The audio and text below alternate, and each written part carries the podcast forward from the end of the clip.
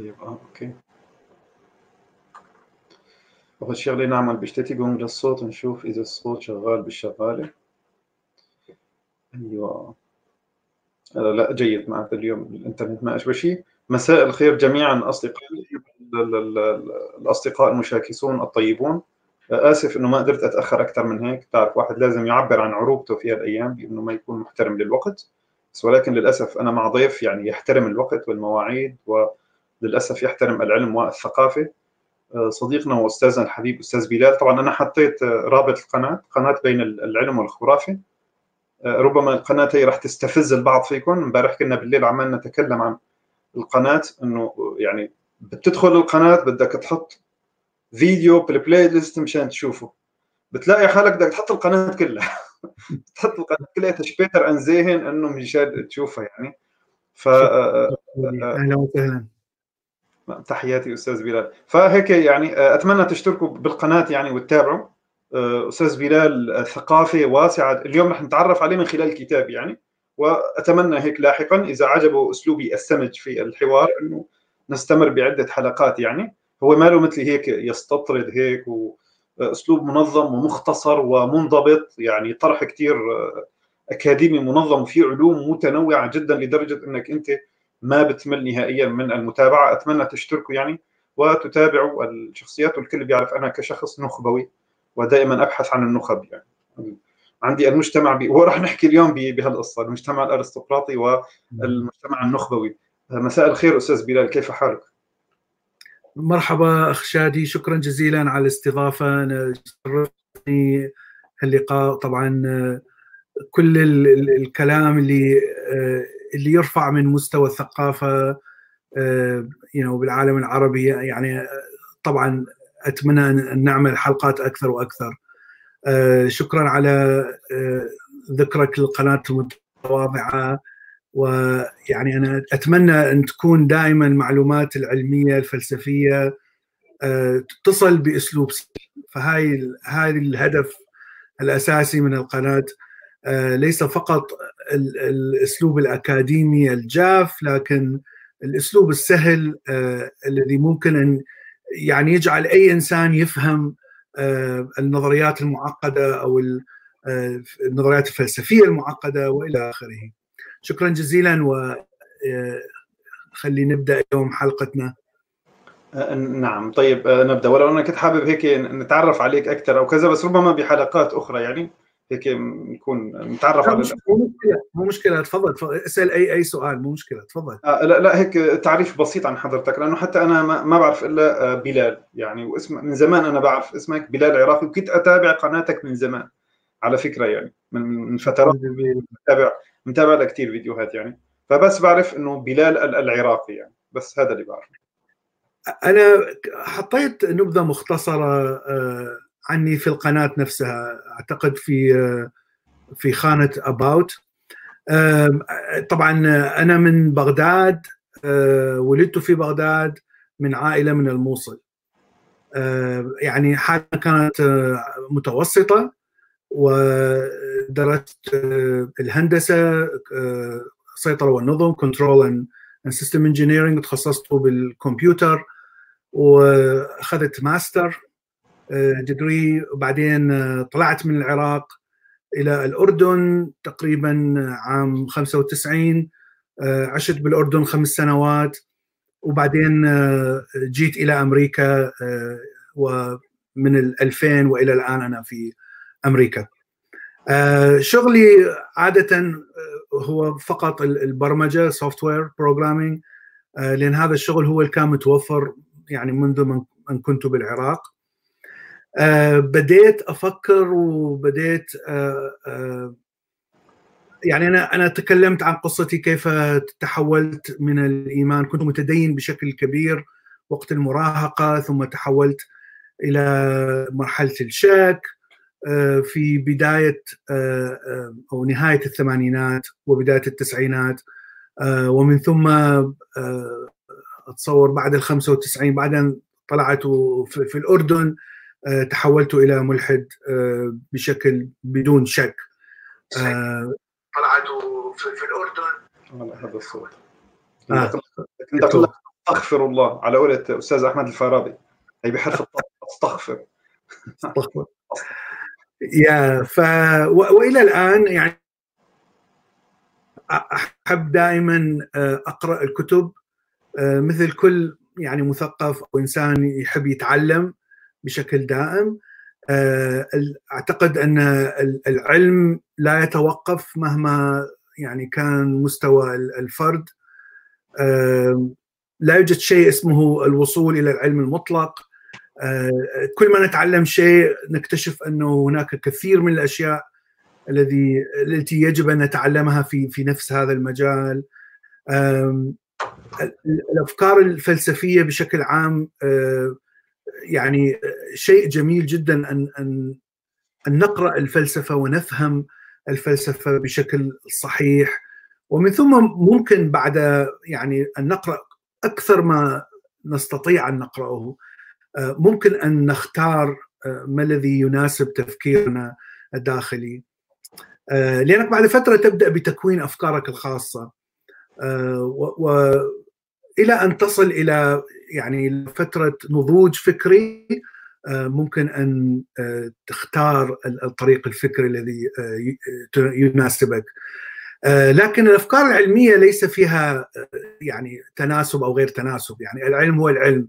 يا أما يكون مثبت يا أما يكون افتراضي يا أما يكون خاطئ. وهذه الجمالية في العلم. فالآن يعني أنا أحاول أن أقرأ الأشياء العلمية أكثر من من الأشياء الفلسفية. عادة الفلسفة تستقطب الكثير من المراهقين والشباب. يعني أنا من لما كنت مراهق وشاب كنت أحب الفلسفة بشكل كبير. الآن أحاول أن أقرأ العلم أكثر لأن العلم بحر ومحيط كبير جدا جدا. لا يمكن يعني أن أن يعني نقضي حياتنا في في فقط مجال واحد في تعلم مجال واحد. طب ولو سألتك يعني هيك من العلوم التجريبية شو أكثر هيك علم أو تخصص يعني بيجذبك بالجذابة يعني؟ يعني أنا أنا بحب كثير الأحياء أو ال bio biology بشكل خاص لأنه يفسر يعني يفسر كيميائية الجسم يفسر كيف يعمل جسمك؟ كيف يعمل دماغك؟ كيف كيف تعمل هذه الأجزاء اللي تستعملها كل يوم؟ لكن أيضا أحب الفيزياء وكيف تفسر ماهية الكون وكلما نثبت نظرية كل ما نقترب أكثر من فهم يعني هذا السر الكبير الغامض. فمثل فيزياء الكم النسبية standard model of particle الجزيئات الآن الجزيئات التي اكتشفناها المكونة للكون فأعتقد هذه أيضا يعني شيء عظيم ان نبدأ ان نقرأ ونفهم ونتعلم أكثر من أين تكون الكون. نعم. اليوم نحن عندنا معناتها عندنا كتاب فلسفي ولطالما أنا تنبهت إلى شيء يعني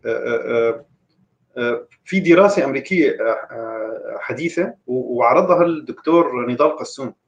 مشهور جدا نضال قسوم. عرضها بأنه حوالي 90% تقريبا من خريجي الكليات العلمية أو أو هيك يعني رقم ضخم يعني هذا بأمريكا مش هنا.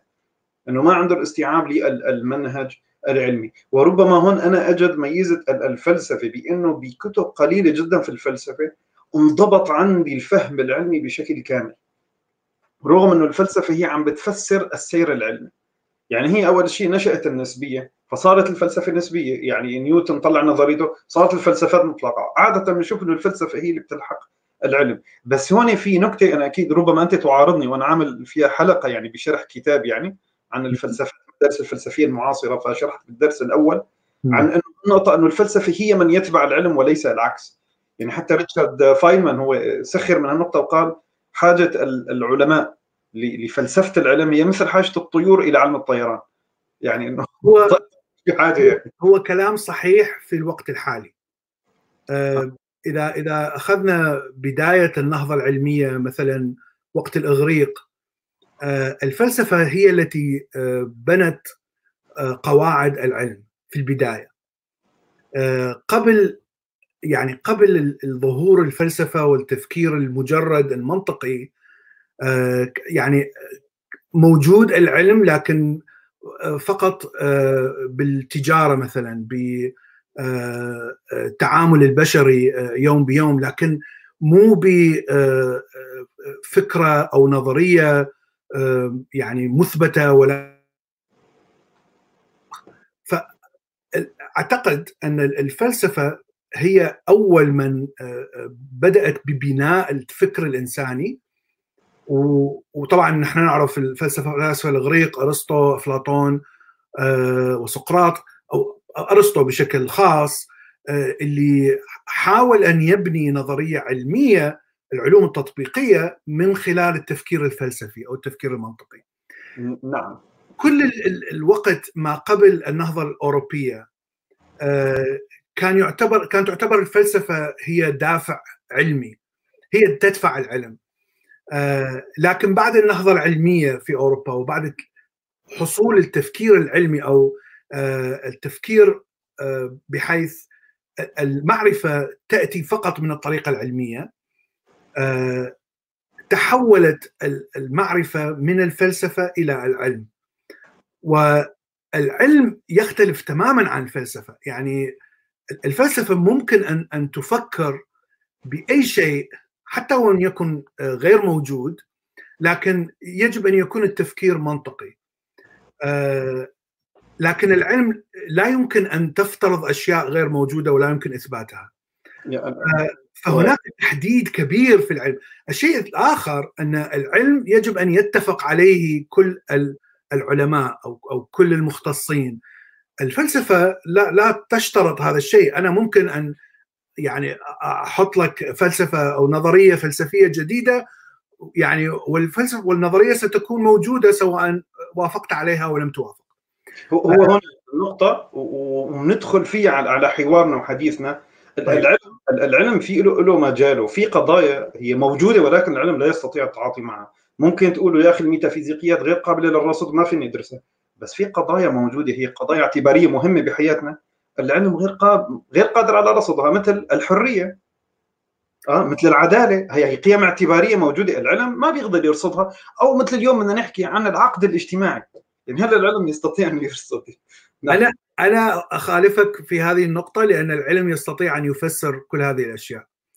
الشيء الذي لا يستطيع أن يفسره العلم هي الميتافيزيقيا. هي مثلا ماذا يحدث بعد أن نموت؟ هل هناك أرواح؟ هل هناك بداية قبل الانفجار العظيم. هل هناك خالق للكون؟ هذه الأسئلة العلم لا يعرفها. وليس هناك مشكلة في هذه النقطة. لا يوجد مطلق في العلم. العلم لا يعترف بالمطلق. هناك دائما تغير في العلم وهناك دائما اكتشافات جديدة. إذا قلت أنا وصلت للمطلق فأنت انتحرت فكريا أو علميا. فالعلم يقول لا أعرف بمعنى أننا سنكمل البحث وسنكمل التجارب إلى أن نصل إلى هذه النقطة. وهذا ما حدث يعني خلال ال 500 سنة منذ النهضة الأوروبية إلى الآن.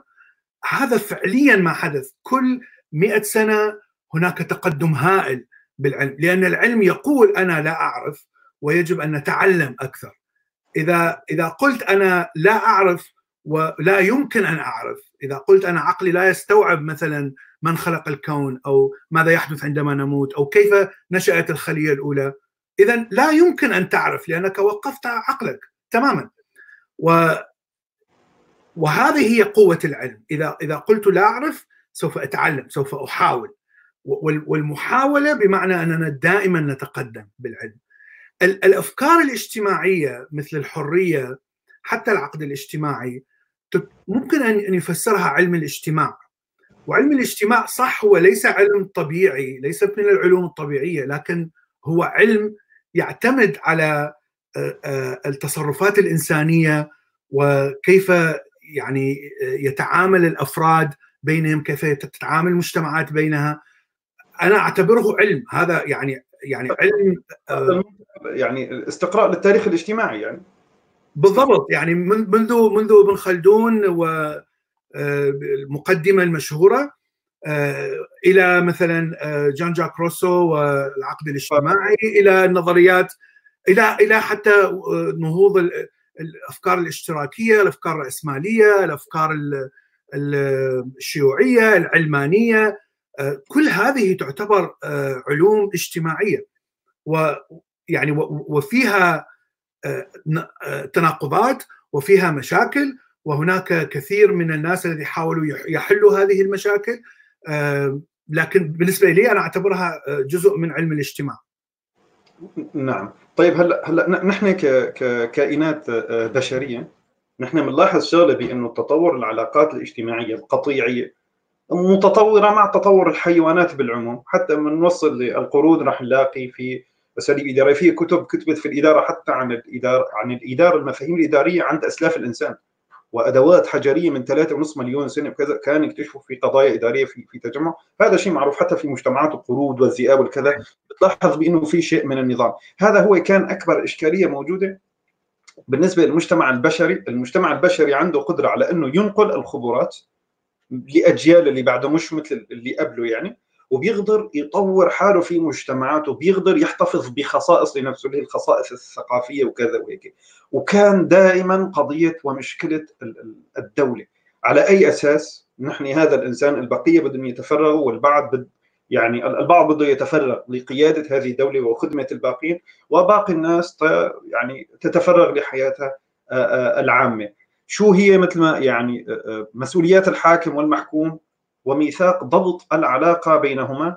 هذا بيجوز من أيام عصر النهضة أو يعني الأوروبية وحتى بعد منتصفه يعني مش من بدايته أكيد يعني.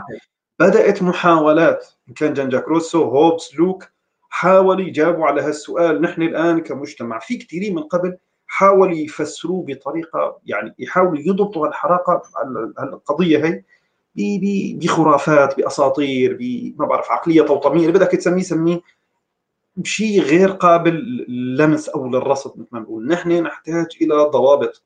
المشاكل كثيرة جدا. وعادة أنا عدة مرات يعني كنت أجي أحكي عن أمريكا. أمريكا دولة ذكية. إنه إنهم شعب بيقرأ التاريخ.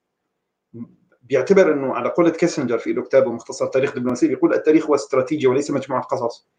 فهن شافوا في أمرين. في أمرين عمال بيخلي الحضارات تندثر. ادخال الدين بالسياسة وسلطة الفرد. شوف شلون الدين والفرد. فلذلك كيسنجر بيقول بالكتاب قال لذلك النظام الولايات المتحدة أه هو مش موجود عشان تحقيق العدالة وإنما لاستبعاد سلطة الفرد. علمانيه الدولة خالصين. هي الدولة عادة بتكون مستقرة على الأقل من الناحية الداخلية مستقرة ما فيها مشاكل تكون ممكن تؤثر بامنها فهي كانت كلها حلول. بس من قبلهم ومن قبلهم نحن حتى بنعرف هي الأفكار إن كان اللي جابوها الآباء المؤسسين وكذا معروف منين استقوه. وأنهم متأثرين جدا بفكر شخص اسمه جان جاك روسو صاحب كتاب العقد الاجتماعي. فتأثروا بأفكاره إضافة لأنه اللي دعمهم هو الثورة الفرنسية وحكومة الثورة الفرنسية اللي أساسا يعني آه كانت متأثرة بجان جاك روسو. طبعا هو لو إنه كان من قبل من أيام لويس الرابع عشر كان في دعم للوضع بأمريكا يعني. فالكتاب اليوم هو كتاب خطير جدا لحد الآن له تأثير قوي جدا على مستوى العالم. فننطلق بنا بهذه الرحلة أستاذ بلال تحدث صحيح. آه جان جاك روسو عاش قبل الثورة الفرنسية. آه وكان ينظر يعني بنقد شديد للحالة ال ال حالة الحكومة الفرنسية في في ذلك الوقت اللي هي كانت مملكة. يعني والملك يملك كل شيء. فبمعنى الملك يملك الأراضي يملك الناس يملك أرواحهم يملك بضائعهم يعني يعني الفرد ليس له أي سلطة في في هذا النظام الملكي. وممكن الفرد أن يموت أو يقتل في سبيل نوايا أو غرائز هذا الملك. وممكن أن إذا دخل الملك في حرب أن العدو ممكن أن ينتصر على هذا الملك ويقتل هذا الفرد أو يسلب هذا الفرد حريته. فهنا المشكلة الأساسية اللي اللي اللي فكر بها روسو أنه هذا النظام يعتبر نظام متخلف وهو ما سماه بنظام الطبيعة لأنه نظام يشبه نظام الغابة نظام الحيوانات الغابي أو نظام الإنسان ما قبل المدنية البقاء للأقوى القوي يفرض سيطرته على الضعيف الغني يفرض سيطرته على الفقير الفقير أو الفرد ليس له أي إرادة أو فكرة أو حرية أو رأي في أي شؤون من من شؤون الدولة. فهذه كانت يعني مشكلة كبيرة حاول أن يعالجها بكتابه. المشكلة الثانية هي العبودية. حاول العالم كله قبل الثورة الفرنسية.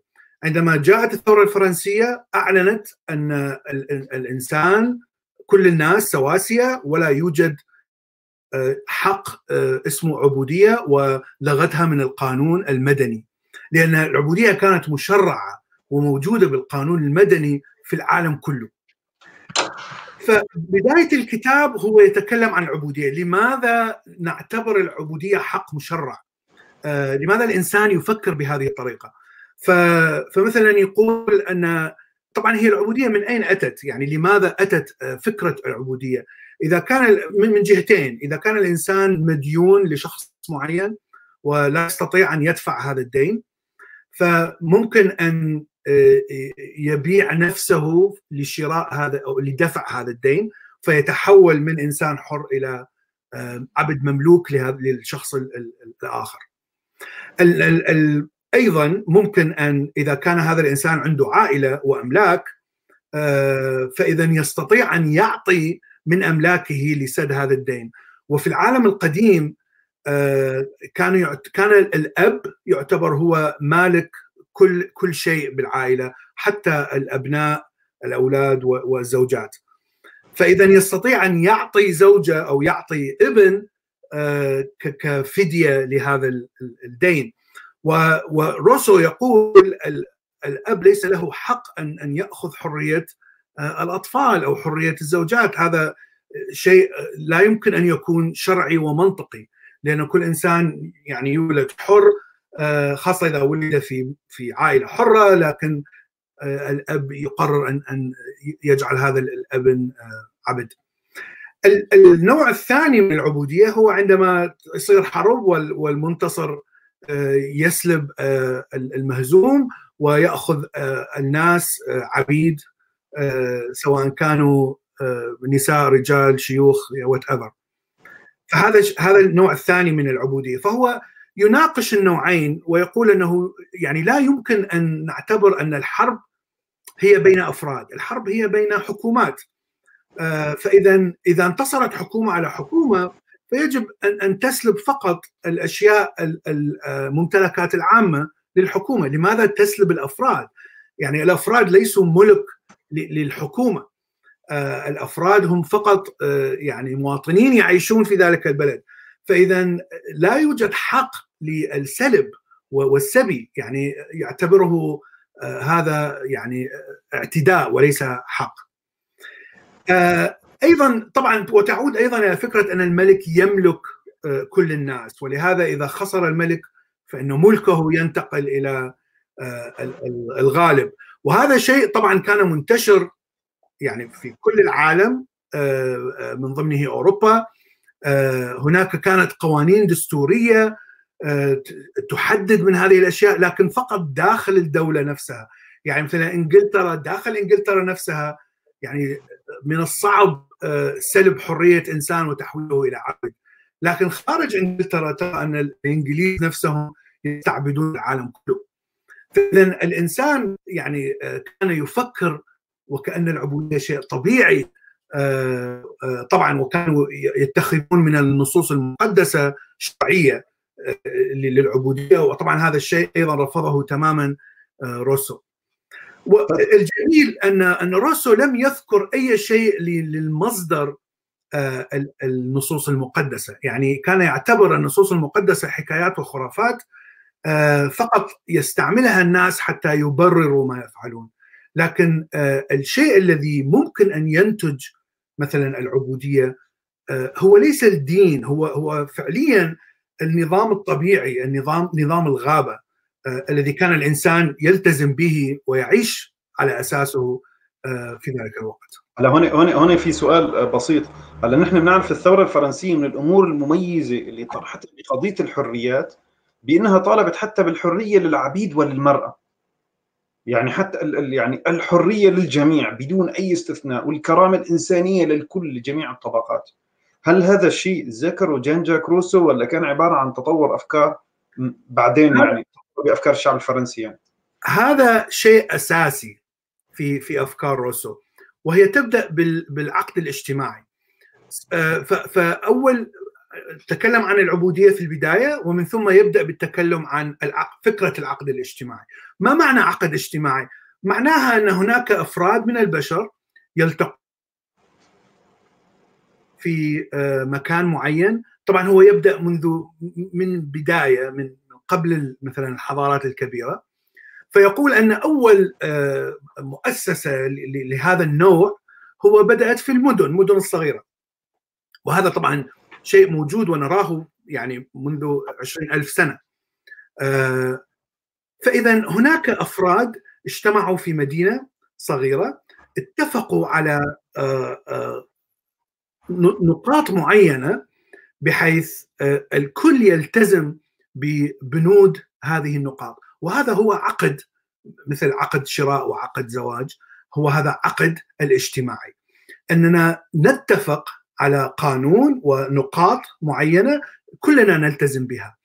فيقول حتى يتم نجاح هذا العقد يجب على الفرد أن يحترم كل بنود هذا العقد اولا، ثانيا حرية الفرد لا تتعدى على حرية الغالبين، لكن حرية المجتمع أيضا لا تتعدى على حرية الفرد.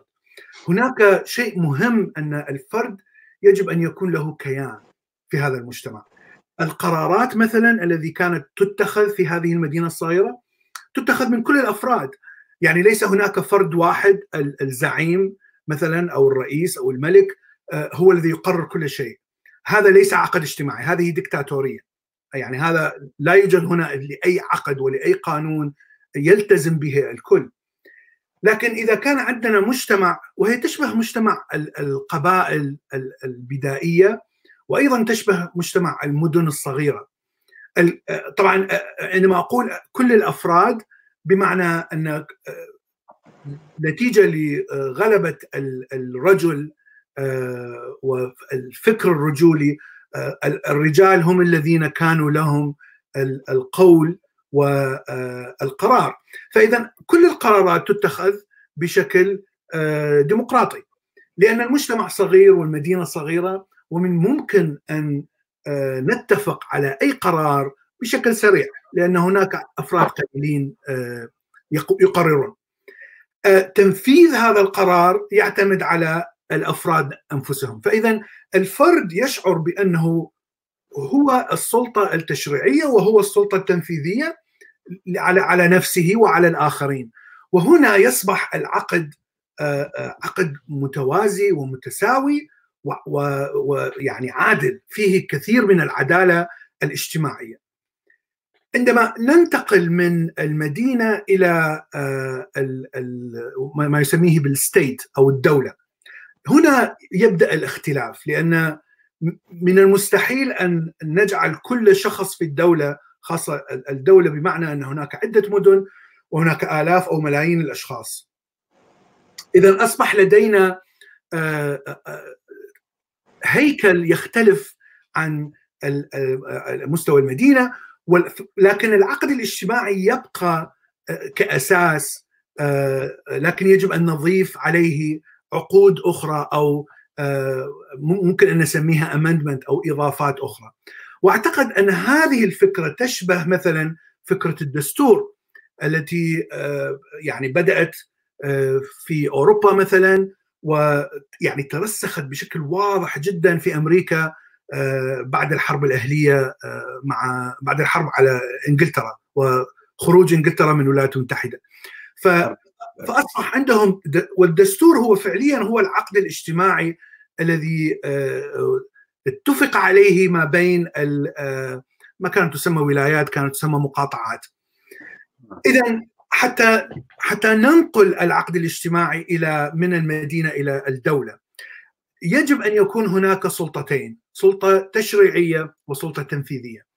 السلطة التشريعية هي التي تشرع القوانين التي تحدد وتقرر كيف يتصرف الإنسان ما هي القوانين التي تقرر مثلا التجارة الزراعة إلى آخره. كل الأمور المدنية في الدولة يجب أن تحد من السلطة التشريعية. السلطة التنفيذية هي الحكومة هو ما يسميه طبعا روسو بالحكومة. وطبعا الحكومة هم عدد قليل جدا من الأفراد نسبة إلى الشعب. هم فقط واجبهم أن ينفذوا القانون ويطبقوا القانون يعني يتاكدوا أن القانون يطبق على الجميع.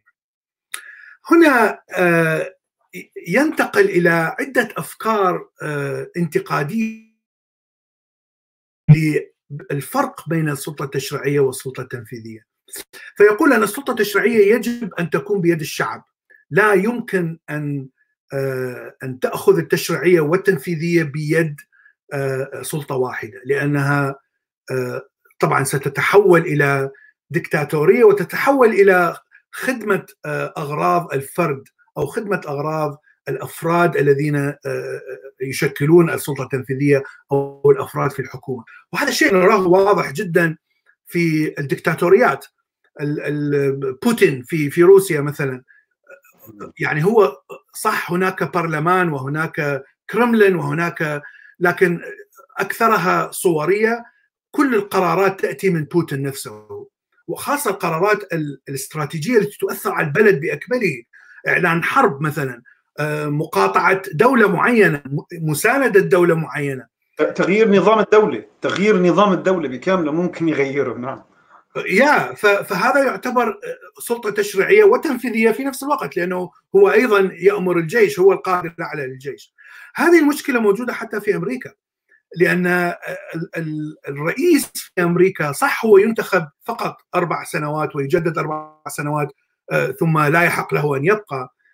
لكنه يمتلك كثير من السلطات التشريعية وليس فقط تنفيذية. فمثلا أوباما عندما جاء للحكم حاول أن يقرر كثير من القرارات التي تساعد الطبيعة وال environment والتقليل من استعمال الفحم والنفط. والتلوث البيئي إلى غير ذلك لما جاء ترامب عكس كل هذه القرارات وبدأ يقرر أشياء في صالح ال business بصالح شركات النفط على حساب تلوث الطبيعة. اذا هذه التشريعات هذه ليست فقط تنفيذ ولهذا فإن أي شخص يأتي إلى الرئاسة في أمريكا سيكون مدعوم من الشركات الكبيرة اللي تمتلك المال وسوف يخدم هذه الأغراض. وروسو أيضا يشرح هذه المشكلة فيقول أن السلطة حتى وإن كانت السلطة التنفيذية لا تمتلك تشريعات لكن ستحاول أن تنفذ إرادة الشخص الذي يمسك الحكم مثل الملك طبعا في ذاك الوقت لم يكن هناك فكرة رئيس كان هناك ملك أو أمير فكان يسميه بالملك أو الأمير. فاذا يقول أن عندما ينفذ الملك القرارات التي تأتي من الشعب السلطة التشريعية هناك ثلاثة إراد... ثلاثة ارادات سماها ويلز فالإرادة الأولى هي إرادة الشخصيه للملك. طبعا الإرادة الشخصية بمعنى فقط ممكن أن يطبق أو أو يفرض القوانين التي تخدم مصلحته هو شخصيا. الإرادة الثانية هي إرادة الحكومة فإرادة حكومته هو. طبعا إرادة الأشخاص القليلين الذين يحكمون معه اذا أي قرار أو أي قانون يفيد هؤلاء الأفراد سوف يطبقه. ومن ثم تأتي قرار إرادة الشعب أي قرار يفيد كل الناس يفيد كل العامة. فيقول طبعا بشكل مثالي الملك يجب أن ينفذ قرار الشعب أو أو فائدة الشعب. لكن طبعا في الحقيقة هذا لا يحدث. الملك دائما يبحث عن فائدته هو بشكل 90% 5% أو مثلا 8% الحكومة و1% 2% للشعب. وهذا الشيء نراه بشكل واضح جدا في أمريكا. حتى مثلا في في دول أخرى أيضا تدعي بالديمقراطية وتدعي بحرية اتخاذ القرارات مثل إنجلترا وفرنسا. نفس الشيء الرئيس الفرنسي رئيس وزراء البريطاني لديهم سلطة كبيرة وحتى سلطة تشريعية. قد لا تكون مطلقة. العفو منك أجي أدخل. هلا في في نقطة يعني أنا أنا كنت ما بعرف لو لو بتحب لو مناسب نطرحها هون. الكتاب لأنه ضخم ونقاطه كثيرة جدا يعني. Yeah. ما هو جان جاك روسو؟ هل هو فعلا كما يذاع عنه بأنه يفضل الرجوع إلى التوحش عن التقدم في المدنية؟ بيقول إنه الأصل لا بالعكس هو أنا كما ذكرت هو يعني يصف النظام الطبيعي بنظام الغابة ويصف النظام المدني ب يعني ويزكيه ويحاول أن يعني يركب الهرم الفكري لكيف الحكومة بأسلوب ديمقراطي وأسلوب يعني أقرب لفائدة الشعب. فإذا لا أعتقد أن هذا أسلوب همجي بالعكس لأنه هو دائما يذكر أن اذا إذا أخذت الأسلوب الطبيعة أو نظام الغابة فلا يوجد هناك عدالة، لا يوجد عدل، دائما القوي يحكم الصغير، الضعيف الغني يحكم الفقير. لكن في النظام المدني الذي هو يعني يشرحه بوجود سلطة تشريعية وتنفيذية وانتخابات وإلى آخره دائما هناك عدالة. وممكن أن نحقق العدالة مهما كان الإنسان غبي أو ذكي أو كان فقير أو غني. لأن إذا كان كل كل إنسان له حق تصويت أو حق القول بأي قانون أو أي تشريع فاذا سيصبح القوة للأغلبية عادة. والأغلبية لا يمكن أن تكون كلها غنية أو كلها فقيرة. كلها يعني أنت فاهم القصد أنه لا يوجد هناك فئة بسيطة أو فئة قليلة هي التي تسيطر على كل شيء. وهذا ما يحدث في قانون الغابة في نظام الطبيعي الفئة الصغيره فئة صغيرة هي التي تحكم وتسيطر على كل الموارد وتسيطر على كل القوانين وكيف يعني تتحكم بمصائر الناس. ف لكنه يعني يعني ليس فقط أنه يشرح هذه الفكرة لكنه يدخل في ما هي مشاكل هذه الفكرة. فكما ذكرنا يجب أن يفصل التشريعية عن التنفيذية تماما. هو آه هو هنا هي هي النقطة لما بتكلم عن السيادة هو بذكر نقطتين أو بيحكي عن فصلين. امتناع الانقسام السلطة وامتناع التنازل عن السلطة. بيذكر هل هل الموضوع يعني. هل هو يعني بالنسبة له السلطة بتتقسم لمعناتها لتنفيذية وتشريعية. والتشريع واضح من آرائه أنه ما لازم يكون مصدره الدين يعني. هذا واحد. وبن... نعم. والسلطة حتى السلطة اي معك تفضل تفضل أكمل. ما لازم أن يكون مصدره ما يجب أن لا يكون مصدره شيء واحد ولا شخص واحد. المصدر للتشريع هو الشعب بشكل عام. يعني حتى هو يذكر بشكل كبير يعني دائما يذكر بالكتاب تشريعات الإغريق. كان هناك وقت في أثينا الشعب كله يقرر ويصوت على القرارات التي تؤثر على المدينة. ذكر أيضا الجمهورية الرومانية.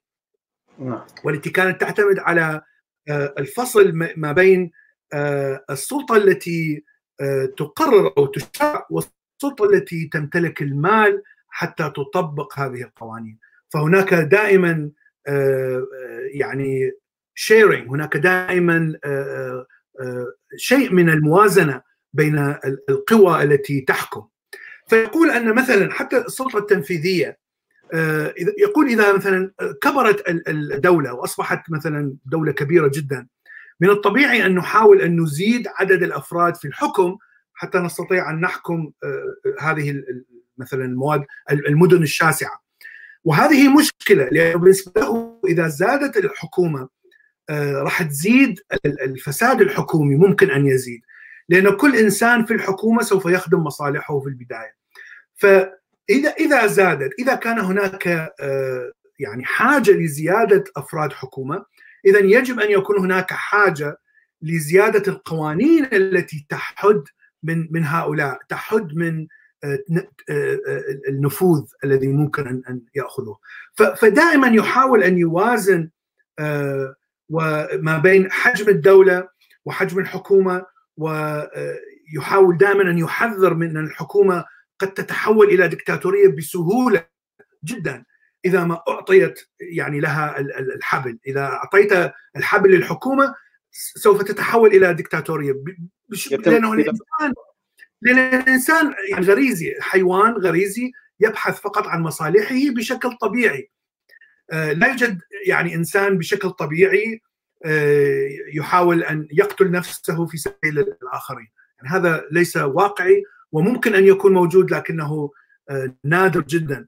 الشيء العام في البشر أنهم يفكرون في أنفسهم اولا ومن ثم يفكر في عائلته ومن ثم يفكر في الآخر نعم بالضبط. طيب هلا هون هلا هو حكى عن قضية الإرادة العامة إنه في شيء اسمه إرادة عامة بيحكي عن قضية الانتخاب بيحكي عن إنه دائما قرار الناس هو اللي آخر شيء بده يوصل يعني. هلا بس نتقدم ممكن نتناقش حول هالنقطة اللي هي النقطة التالية. هو وقت اللي بيبدأ بتقسيم الحكومات. طبعا بيقسمها لأربع انواع من الحكومات عندنا الديمقراطية الأرستقراطية أو يعني النخبوية ملكية ومركبة. طبعا نلاحظ أنه لم يذكر الدولة الدينية. ليش؟ ليش؟ أنا بدي أعرف ليش. أعتقد أن الدولة المدنية هي هي الملكية. أو أو النخبة النخبة الأرستقراطية. لأنها كانت تم يعني تم تأخذ سلطتها من لا أستطيع أن أقول تأخذ سلطتها لكنها تبرر سلطتها من الدين. نعم بس يعني خلي بالك أن روسو عاش في في ذلك الوقت. وفي ذلك الوقت كانت الأمور تختلف عن الآن. فكثير من الأشياء التي يحاول أن يعالجها ويذكرها يعني آه، لا تنتمي أو أو ليس لها معنى الآن. أحد هذه الأمثلة يقول إذا آه، كان آه، إذا كان الملك يقول إذا كان الملك خليني شوية أتذكر. هو يصف مثلا حالة الاشتراكية أو فكرة الاشتراكية وفكره إذا إذا كانت الحكومة تسيطر على كل الموارد أعتقد فإن هذا الشيء يعتبره شيء جيد وكل الأفراد سيستمتعون بمثلا الثروات. لكن هذا الشيء يعني لم يحدث. آه، في الوقت الحالي أو حتى من خلال التاريخ التي الذي جاء بعد روسو. نحن نعرف الشيوعية والاشتراكية تحولت إلى دكتاتوريات وكثير من هذه الدكتاتوريات الطبقة الحاكمة أصبحت غنية ومترفة بينما الشعب ظل فقير. آه، بينما العكس هو هو الذي حدث مثلا في الدول الرأسمالية آه، أن الثروات بدل أن تقتصر فقط في الطبقة الغنية بدأت تنزل ولو بشكل آه، بسيط إلى الطبقة الوسطى والتي لم تكن موجودة طبعا قبل الإصلاحات الدستورية وانتقال التشريعات من من هذه النخبة البسيطة الأرستقراطية إلى آه، منتخبين من الشعب مثل البرلمان. ف...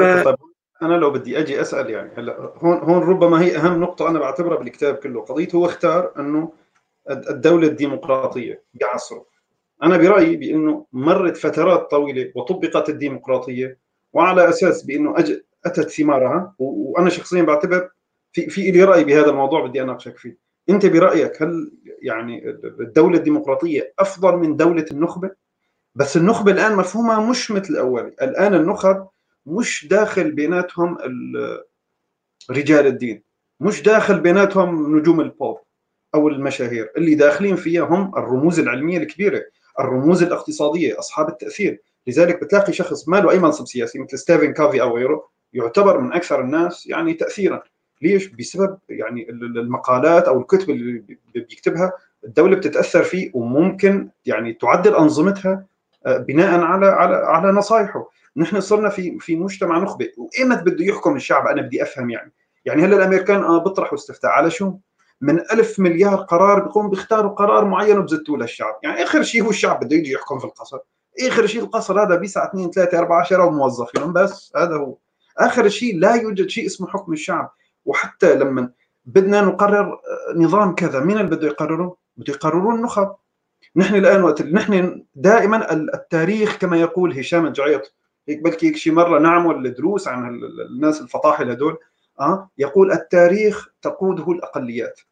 التاريخ كله من بدايته إلى الآن تقوده الاقليات أنا بشوفها كلام مضلل قضية يعني هلا بعصره ما بينت بس يعني هلا دولة مثل أمريكا ومثل الدول الاوروبيه وكذا آخر شيء عم بتقودها نخب المظهر ديمقراطي طبعا هذا صحيح. تقودها الأقليات يعني تقودها النخب هن اللي الديمقراطية. هذا صحيح هذا صحيح.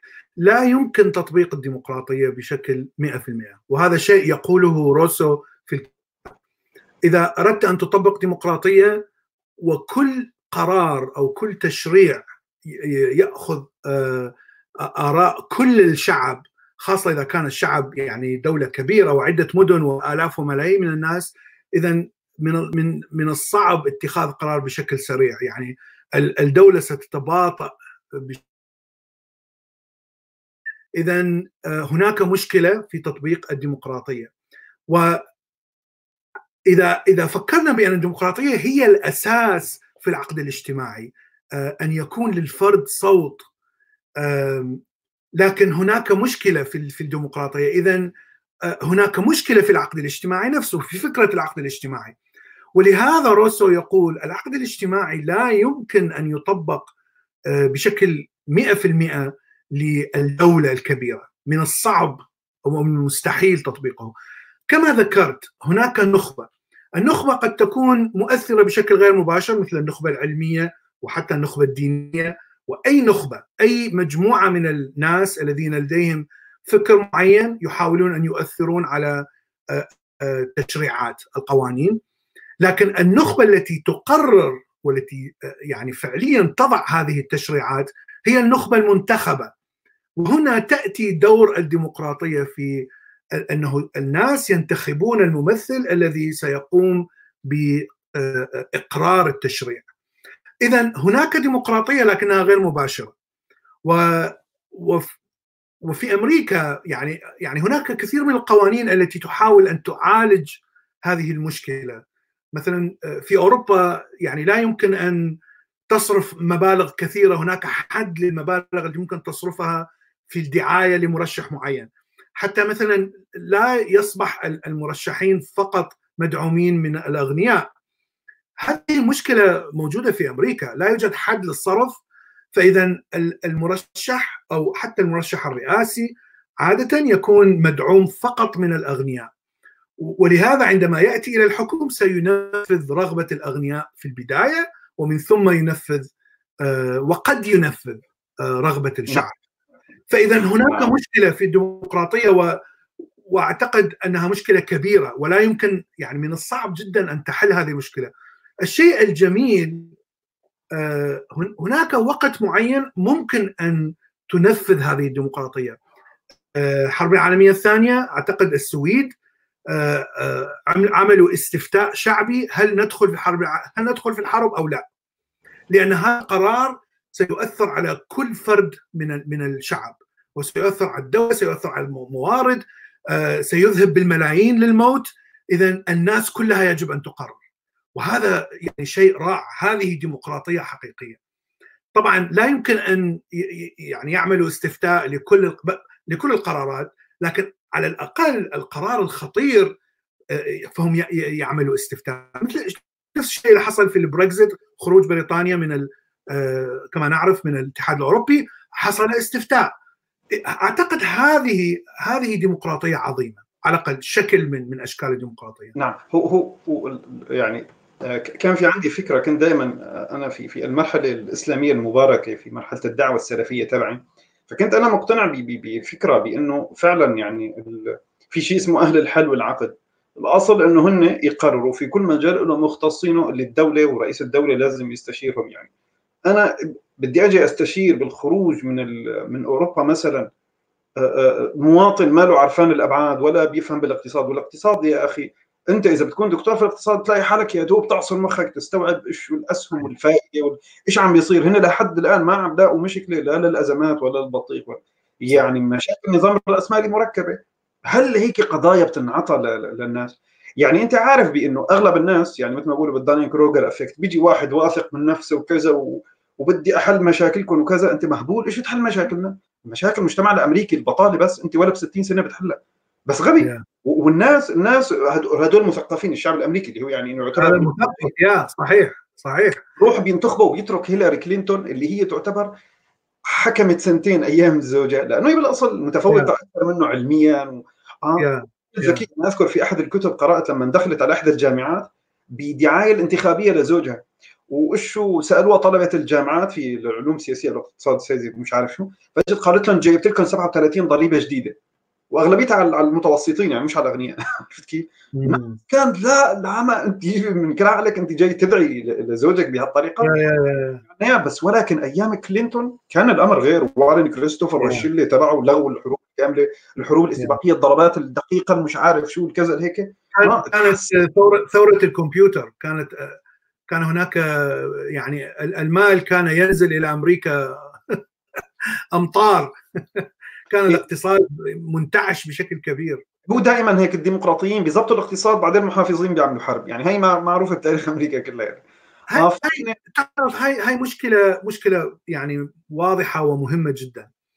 آه إذا الشخص الذي يحاول ان أن ينتخب نفسه ما راح يفكر بشكل آه أسلوب شارع أو أو يتركها لمواهب الشخصية طبعا آه الناس هنا يدرسون سيكولوجيه الإنسان وكيف أدخل على هذا الإنسان وكيف أحاول أن أستدرج آه، عطف هذا الإنسان واهتمامه. ترامب آه، هناك يعني شيئين مهمين جدا آه، ركز عليهم الدين والبطالة. البطالة ليست في في المدن الكبيرة الغنية في في الساحل لكن البطالة في الميدوست في الداخل الأمريكا آه الدين لأن أوباما لم يكن متدين جدا لم يميل إلى الدين يعني يعني كان هو يدعم مثلا القرار الذي اتخذ في المحكمة العليا بزواج آه المثليين. هذه تعتبر جريمة كبيرة عند المتدين. فكانوا يعتبرون أوباما هو الشيطان بسبب يعني هذه الأفكار. أوباما لم يكن مع البزنس مع الشركات المالية الكبيرة إنما كان يدعم الطبيعة و آه، يعني عدم التلوث وإلى آخره. فترامب يعني ركز على هذه الأشياء. وركز على الأشياء السلبية فقط. هناك كثير من الإيجابيات في الأشياء. شعبوي. خطاب شعبوي بس. أنت أنت الآن يا يا يا. بالضبط. هو هو يعني هي هناك دراسة سيكولوجيه الإنسان البسيط. كيف أؤثر على الإنسان؟ أنت مثلا إنسان علمي مثلا. إذا أردت أن أن أكسب عطفك وأكسب آه، آه، سأحاول أن أتحدث بشكل علمي. فإذا إذا عرفت أنك تحب العلم وتحب مثلا البيولوجي وتحب اذا سأقول لك أنا سأعطي أموال للبحث العلمي سأعطي كذا. عندما أتكلم بهذه اللغة أنت ستهتم بكثير وستقول آه هذا هو الشخص الذي سوف سوف يقود الدولة. مع العلم أنه إعطاء الأموال للبحث العلمي لا يعني ان أن الاقتصاد سيتحسن يعني لا يعني أي شيء. ممكن ان أن أعطي أموال لبحث عن آه، عن علوم آه، خاطئة حتى. مثلا الخلق الكريشنست آه، الخلقيين. هذا ليس علم لكن ممكن أن أعطي أموال للبحث في علوم الخلقيين. بعد ذلك. فاذا هذه الطريقة التي يسيطر بها على الشعب حتى وإن كان شعب مثقف. يعني يعني إذا مثل ما مثل ما المثال الذي أعطيته أنه أنا كسبت كسبت ودك وعطفك وصوتك لكني يعني لن آه، أفيدك إن وصلت إلى الحكم. فهذه مشكلة واضحة جدا في الديمقراطية. هي هي هون وأنا أنا لذلك يعني آه، كتبت سؤال. طالما بأنه الناس شعبويين ولو بتشد همتك مشان يعني تكون حضرتك أنت ضيفي بكتاب سيكولوجيا الجماهير آه، يعني ريك هوفر المؤمن الصادق. يعني في مجموعة الكتب هي الزوتيا هي. بدي أحاول أقدم لها شرح يعني قبل أن أرحل وتفقدوني يعني. اي نعم. فهلا هون السؤال بيجيك. هل ترى من ضمن هذا المنظور إذا هو حط وضع أربع دول واختار الديمقراطية و... أنت برأيك الديمقراطية من هالناحية من ناحية وعي الشعب؟ يعني اجى شخص مثل ترامب ما عنده حل ما عنده حلول واضحة أو مثل حتى عندنا بألمانيا الا إف دي. بس هدول جايين فهمانين أنكم ضد اللاجئين والك... لكن اللاجئين ضد بعض. ما في مشكلة. بس شو مشروعكم ما عنده المشروع هذا الشعب الألماني المثقف في بعض الولايات 23% أنت بتعرف اكتسحوا الأحزاب كلياتها. يا. كارثة. أنت بتسمع يعني عم نسمع باللغة الألمانية ما عنده شيء عم بيسالوهم بالمقابلات أنا بسمع اقعد الفراط من الضحك. أنت بتستغرب يعني اللي ما عاش بالغرب بيستغرب إنه فكرن إنه مثقفين وكذا وهيك. مثقفين وعندهم شهادات وكذا بس طلع يعني عقول عصافير. فهدول إذا أي خطاب شعبوي ينساقون كالقطعان كلياتهم. طبيعي. فما بالك ببلداننا؟ هل لو أنا بدي أسألك عن بلدان مثل مصر مثل العراق مثل سوريا هل نحن أنت برأيك بيناسبنا الديمقراطية؟ هل بيناسب إنه الشعب تشيل تعطيه اختيار معين؟ يا يا هذا هذا كلام يعني من الصعب الإجابة عليه لأن مثل ما قلت حتى الشعوب المثقفة المتعلمة ممكن أن تخدع وتخدع بسهولة مثل ما حصل مع ترامب. آه لكن الديمقراطية تعطي شيء من آه الشعور ب آه يعني تسيطر ولو شعور وهمي بشكل بسيط. أنك مسيطر على على حالك على مستقبلك. أن لك قرار لك يد في اتخاذ قرارات. هذا الشعور يعني مهم جدا. حتى يشعر الفرد بأنه مواطن له سيادة له كينونة له صوت مسموع. حرية الرأي فقط ليست كافية. حرية الرأي مهمة جدا طبعا لكنها ليست كافية. فعملية الديمقراطية حتى وإن تكون مثلا استفتاء شعبي فقط وليس انتخاب رئيس مثلا أي نوع من أنواع الديمقراطية الذي يؤثر على القرارات المهمة؟ طبعا كان هناك ديمقراطية يعني شبه ديمقراطية حتى مثلا في العراق حتى وقت البعثيين كان هناك مثلا مجالس بلدية في القرى ومجالس مدنية في المدن وهناك كان وكانوا يعني يشرعون القرارات البسيطة القرارات التافهة. يعني الزبالة تضعها هالمكان ولا هالمكان مثلا. ممكن أن تكون هذه القرارات مفيدة يعني ممكن طبعا لكنها ليست مهمة ليست مصيرية ليس لها علاقة بمستقبل البلد. هذه ليست ديمقراطية أنا لا أعتبر هذا ديمقراطية. إيه ليش؟ العفو منك العفو منك. القضايا المصيرية بيحكم فيها الناس غير المختصين؟ يا يا فاذا ال ال ال الانتخابات أو الديمقراطية التي تنتخب مثلا الأفراد الذين سينفذون مثلا القوانين أعتقد أن هذا شيء مهم. مع السلبيات الموجودة في الديمقراطية يعني أنا أنا معك هناك كثير من السلبيات لكن سلبيات الدكتاتورية أكبر بكثير. مثلا آه، تركيا تعتبر دولة ديمقراطية هناك انتخابات. عندما تحولت عندما أردوغان حول حول الدستور آه، من رئيس وزراء إلى رئاسي. طبعا وكان هناك رئيس لكن ليس له سلطة لا تشريعية ولا تنفيذية سلطات محدودة. عندما حول السلطة إلى الرئاسة وحول نفسه رئيس وأصبح وأصبح دكتاتور بحيث يعني يبقى في الحكم هذا هنا انتهت الديمقراطية لأنه هو الوحيد الذي أصبح يقرر كل القرارات المصيرية في البلد وإذا بقي الحاكم في الحكم سوف يفسد لا يمكن أن يبقى أي حاكم على كرسي الحكم ويبقى نزيه جدا وحتى وإن كان نزيه جدا وإن كان ذكي جدا وإن كان عبقري في الاقتصاد سينتهي به الأمر إلى الفساد العقلي، الفساد الفكري ومن ثم الفساد الإداري والمالي. وربما هذا هو ذكاء الأمريكيين إنه وقت اللي يحطوا الفترة فقط أربع سنوات يعني هذا هذا الشيء الوحيد الذي أعتبره أفضل شيء في الدستور الأمريكي. شوف انك, لا, إنك لا يمكن أن تصنع دكتاتور. إذا جاء إيه. إنسان مجنون لكم مثل ترامب سيذهب في ثمان سنوات. لن يبقى هذا هذا الإنسان. وهذا شيء يعني وإن جاء إنسان عبقري في الحكم أيضا لن يبقى في في الحكم لأنه إذا بقى سيتحول إلى أردوغان. سوف إيه. ينتهي ب يعني بنهاية البلد إلى الجحيم لأنه فعليا سيقرر كل شيء.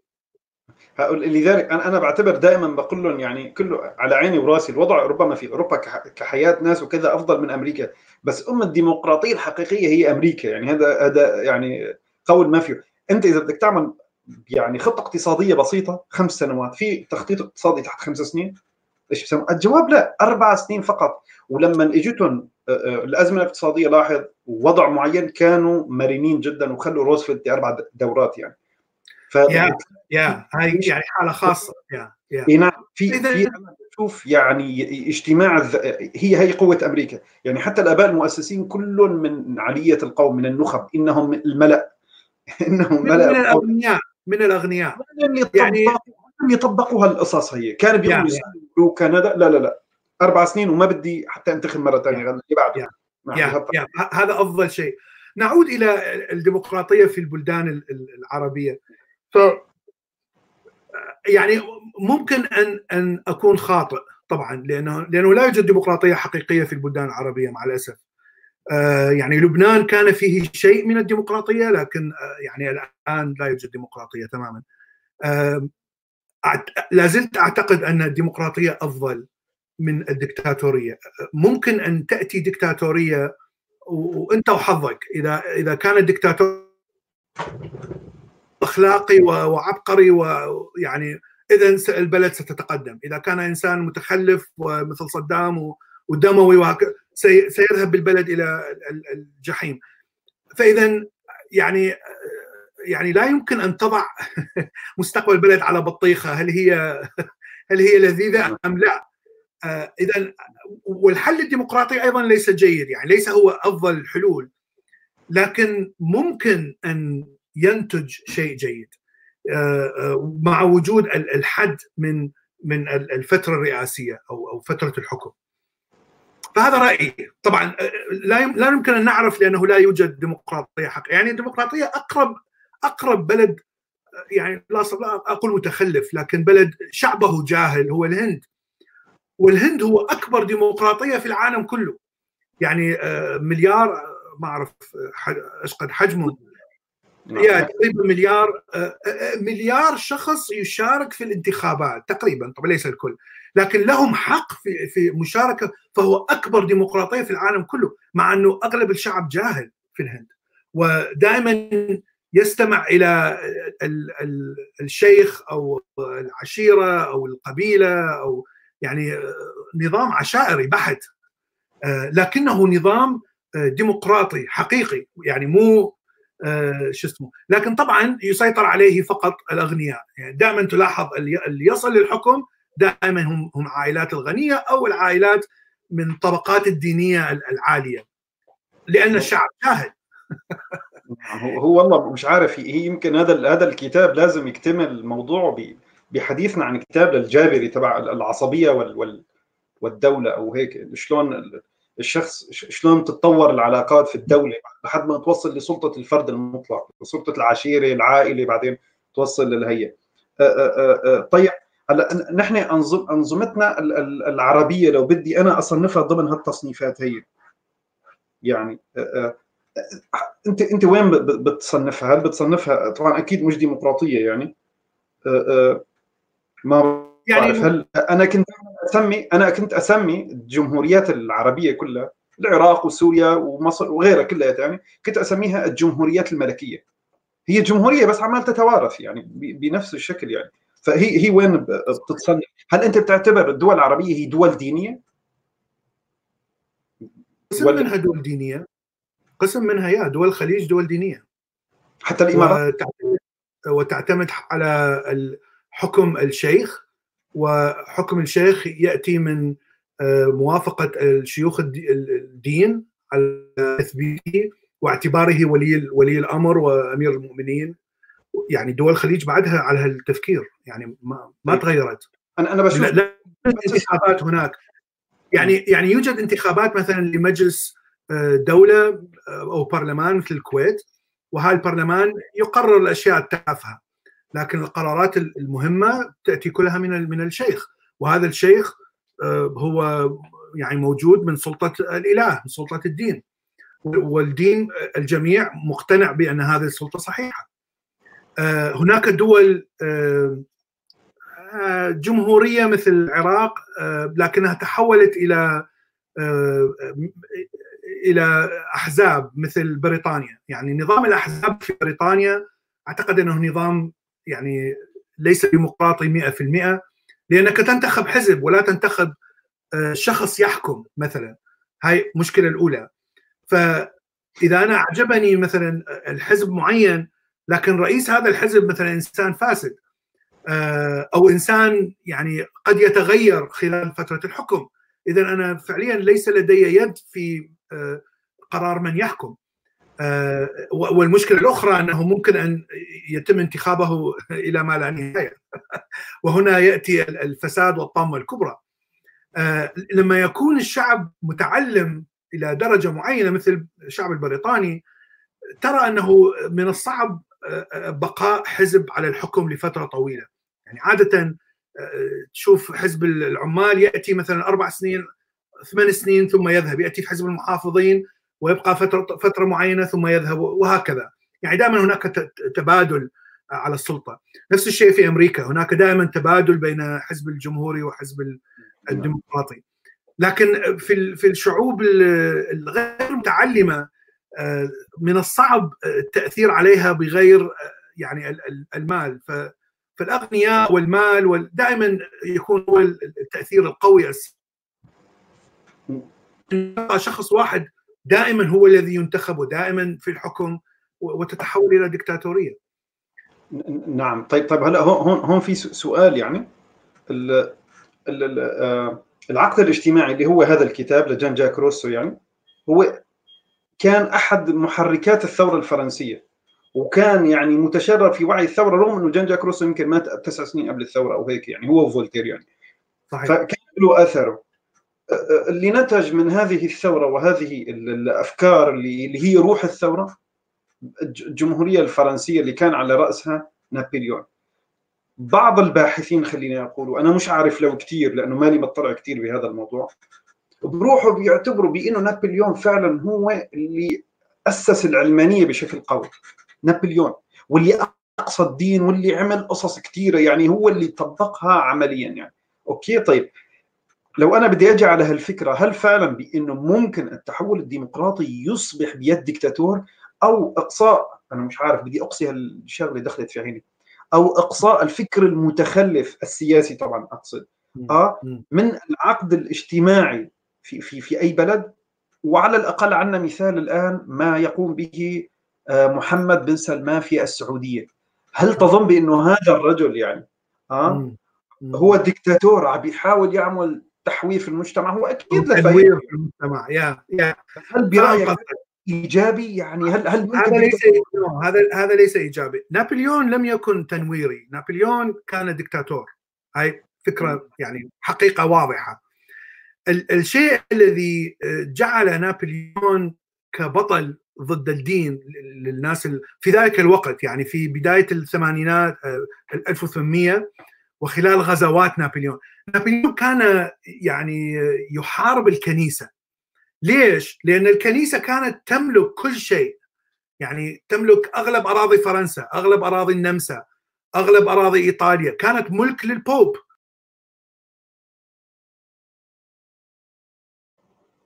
اختفى الأستاذ بلال عاد إيه؟ ما تفضل أكمل آه هناك مشكلة؟ آه لا لا لا ما بعرف أنت اختفيت ورجعت. آه طيب. فنابليون كان دكتاتور لم يكن تنويري لأنه لكنه حارب الكنيسة. ف لأن الكنيسة كانت تملك كل الأراضي في إسبانيا إيطاليا فرنسا. فإذا حاول أن يسترجع أو يأخذ هذه الأراضي لمصلحته هو لمصلحة إمبراطوريته لمصلحة حكومته. ولهذا كانوا كان الكثير منهم من المتحررين في ذلك الوقت يعتبرونه بطل تنويري. لكنه ليس تنويري يعني هذا إنسان دكتاتوري كان يقمع الحريات ألغى الانتخابات الدستور كتب دستور جديد على أساس أنه هو أردوغان سيبقى في الحكم ولن يذهب. صدام. يعني كان هناك في الدستور مثلا الانتخابات لغاها كلها. هذا ليس تنويري. نفس الشيء مثل ما قلت على بن سلمان يعني ممكن أن يكون هناك يعني أشياء جيدة من الذي يفعلها لكن كبت الحريات وكبت المعارضة هذه أول يعني علامة على الدكتاتور وليس لها علاقة بأي تنوير. التنوير الحقيقي أنك تسمح بالمعارضة لأن أي فكرة تأتي وتحاول أن تثبت نفسها ولا يوجد هناك أي معارضة لها. هذه الفكرة لا تحتاج أن أن أن أن, أن تقدم أي أدلة على أنها هي صحيحة لأنه لا يوجد معارضة. وهذه مصيبة مصيبة كبيرة. بس بس كمثال هلا نحن نحن نعيش الفترة التي كان يعيش فيها جان جاك روسو لأنه نحن حديثنا الآن عن عن عن كتابه يعني. نحن ربما نعم. متخلفين أكثر. نحن في عندنا الآن مثال دولة دينية مثل ما كانت أيامها. عقدهم الاجتماعي اللي منظم حياتهم هو أفكار دينية. أوكي أفكار دينية مو مشكلة بس الأفكار الدينية عندها تصنيف للناس. أنت كافر أنت مرتبة عاشرة أنت مبتدع ضال رافضي كافر. أنت بين الكافر والهي بس ولا صف على اليمين. بصنفوا المجتمع بناء على طبقات مسبقة بدون رجوع للواجبات ولل إنه هل هذا المواطن حباب كويس ينتمي للدولة إيه ولا؟ لا لا لا لا عندهم تصنيف مسبق بدون ما ترتكب يديك أي شيء فنظام ديني سيء. أنا الآن إذا بدي أجي أقول للشعب شو رأيكم إنه نعمل عقد اجتماعي حقيقي مبني على المواطنة وعلى الكفاءات وعلى الشغلات والعملات؟ غالبا أنت عارف يعني ممكن يخطر ببالك ولا أعمم هالشيء. أنا أعتبر الشعب السعودي من الشعوب المثقفة جدا يعني فممكن تيجي تقول لا هو الصراحة غالبا الشعب رح يرفض لأنه الشعب متدين. إنه لا أنت تشيل الشرع الديني أنت معناتها عم تكفر. اقعد فهم في سماهم. لك يا أخي إيش دخل الهيه بالهيه ما دخل هذا يعني الحكم. نحن مسلمين هي عم نصلي ونقيم الصلاة و... يعني الدين هو بس قطع اليد ومش عارف شو كذا وهيك أو لازم تكفر كافر. خلاص مسيحي مش مسلم. عرفت كيف؟ كافر مش مسلم مثل بعض. يعني إيش الفرق بيناتهم يعني؟ آه بس ولكن ما بتعاملوا على أساس دينه. نحن الدولة نحن أنا اب للجميع بدي أتعاطى معهم كلهم أولادي اللي عنده واجبات يعملها يا ابني واللي لازمه اللي له حقوق أنا لازم ادي له هي أحفظ له أمانه أحفظ له حقوقه كمان. هي أنا مهمتي وما بيهمني الشخص شو دينه. تفهموا النقطة؟ فأنا وقت بدي يصير عندي مجتمع لا زال مخه قديم.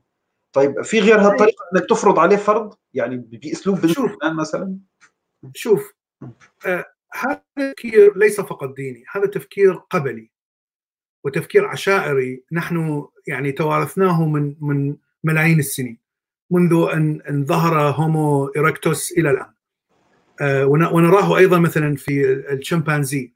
هناك عشائر وتكتلات وهذه التكتلات آه عندما تكون يعني فرد من هذا التكتل فولاءك يكون للعشيرة. آه ولحد الآن هذا الشيء جزء من من من من الجينات التي نحملها. هذا جزء من عندنا. يعني لا نستطيع أن نتخلى عن هذه الطريقة من التفكير. اذا إذا أضفت عليها الدين فالدين يعني يعزز هذا الشيء لكنه يعني ليس شيء ديني بحت. يعني أنا ممكن أن أكون بعشيرة فلانية وأتعصب لهذه العشيرة حتى ضد عشيرة أخرى تتدين بنفس الدين. إذا المشكلة هي القبلية وليس فقط الدين، الدين يعني يضيف عليها صحيح. طيب كيف شعور بالقبلية؟ هذا الشعور هو شعور يأتي من من الجينات، يأتي بشكل غريزي.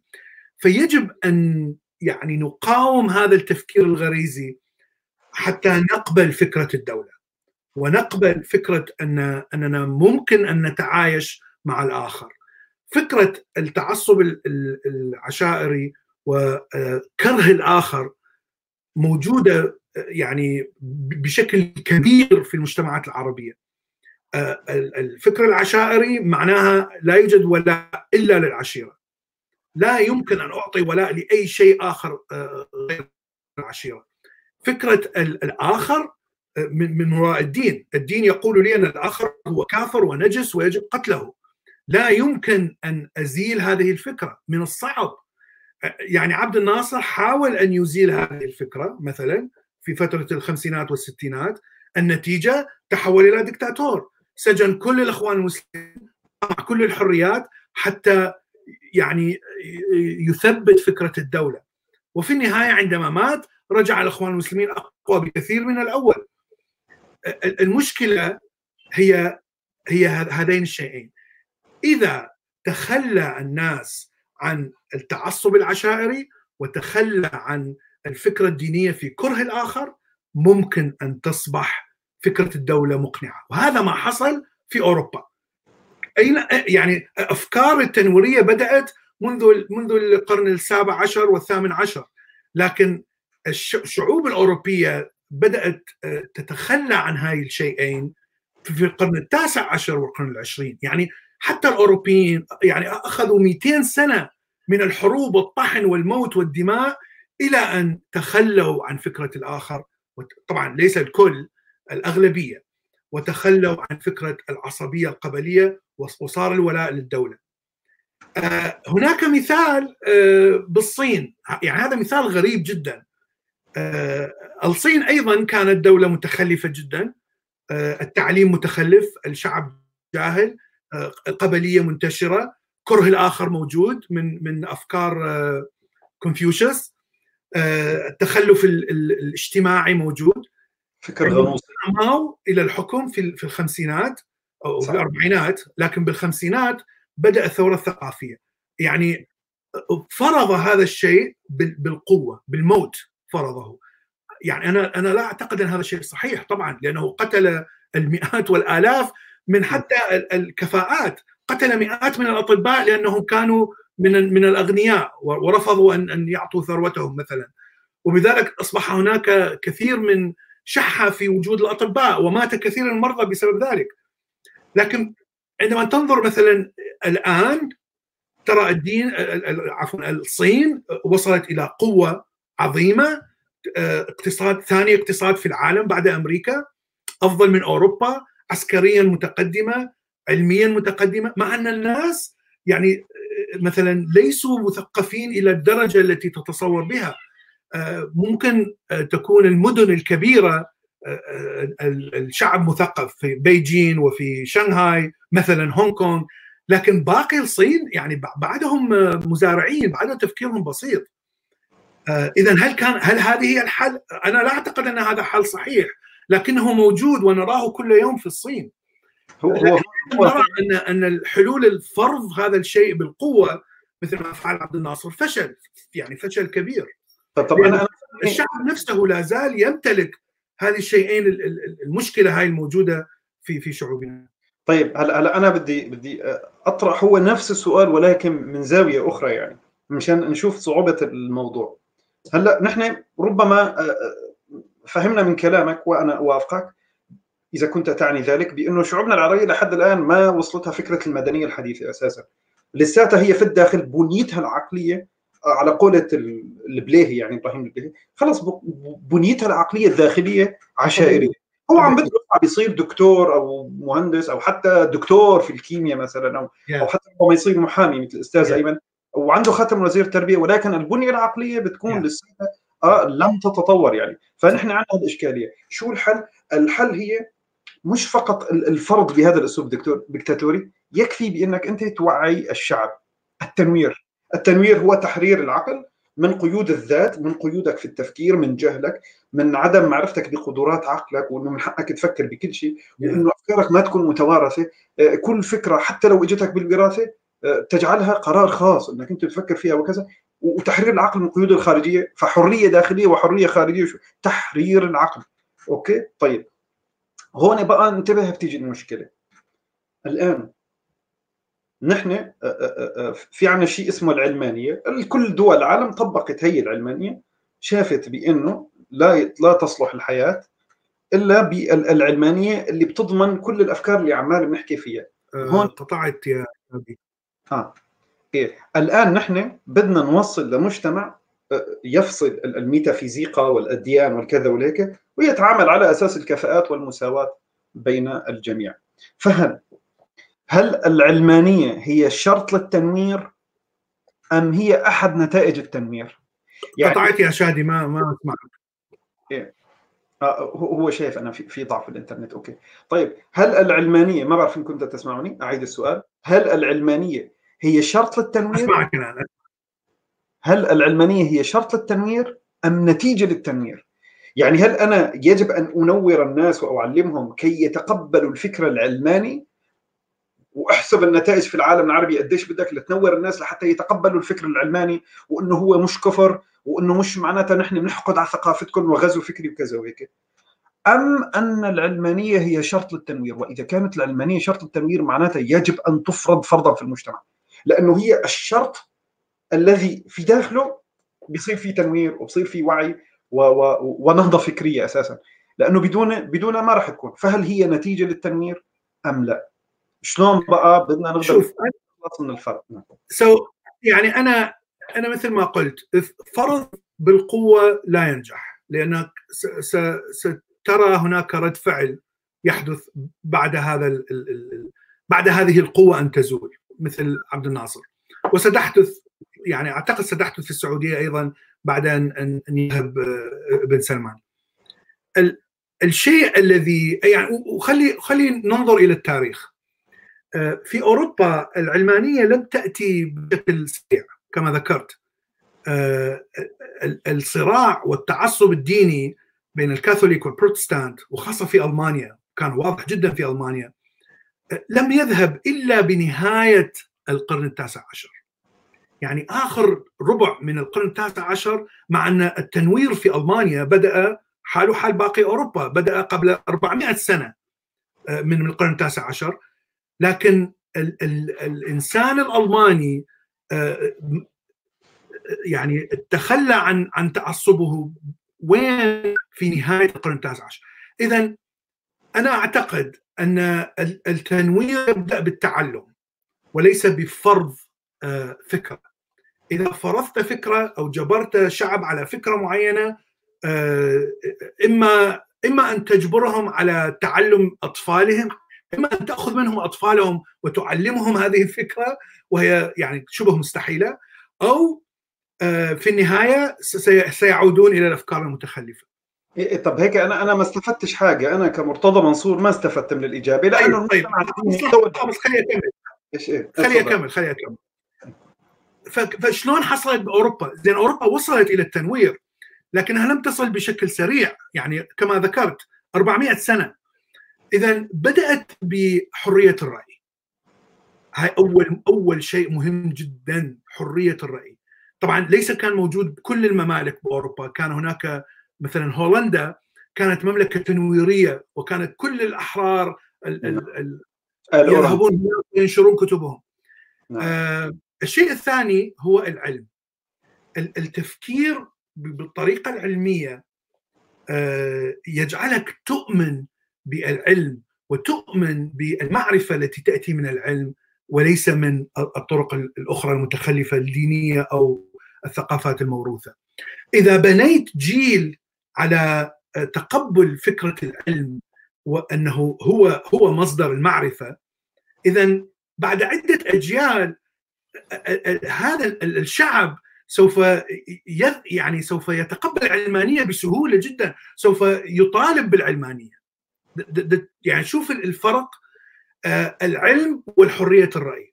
هذه هي المشكلة التي آه، من الصعب آه، حلها في الدول الدكتاتوريات.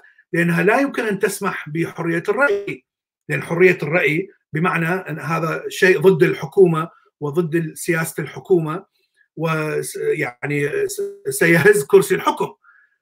ما دامت هناك كبت فكري اذا لا يمكن وما زال هناك اقتناع بأن العلم ليس هو الشيء الصحيح لاكتساب المعرفة. فإذا الشعب سيظل جاهل. إذا طبعا وهذا لا يحدث في في يعني 100 سنة، هذا يحدث عندما يتعلم الجيل الصغير هذه هذه الشيئين. عندما يمارس حرية حتى لو كانت هناك دكتاتورية أو حروب أو مجاعات أو مشاكل اقتصادية لأنه هكذا كانت حال حال أوروبا في في من العصور الوسطى إلى القرن التاسع عشر. يعني كان هناك دائما حروب ودائما قمع ودائما يعني قتل. لكن كان هناك حرية رأي في أغلب الممالك الأوروبية وكان هناك احترام للطريقة العلمية، كان هناك صراع بين الكنيسة والكتله الدينية وكتلة العلم، لكن الحكام كانوا يفضلون طبعا العلم لأنه يعطيهم أسلحة جديدة، يعطيهم طبعا مرافق صحية مدنية أفضل، فاذا كانوا يختارون العلم دائما. وهكذا بدأت تنتشر هذه الأفكار من جيل إلى جيل إلى جيل، في النهاية ترى أوروبا بشكل سلمي تقبلت العلمانية وتقبلت أفكار التنويرية وتخلت عن عن العشائرية المصيبة الكبيرة التي نحملها وتخلت عن كره الآخر. اذا فرض العلمانية أنا لا أعتقد أن هذا صحيح. فرض الديمقراطية بالقوة أيضا غير صحيح. يجب أن تعلم، يجب أن يتعلم الناس على الطريقة العلمية للمعرفة ويجب أن يكون هناك حرية.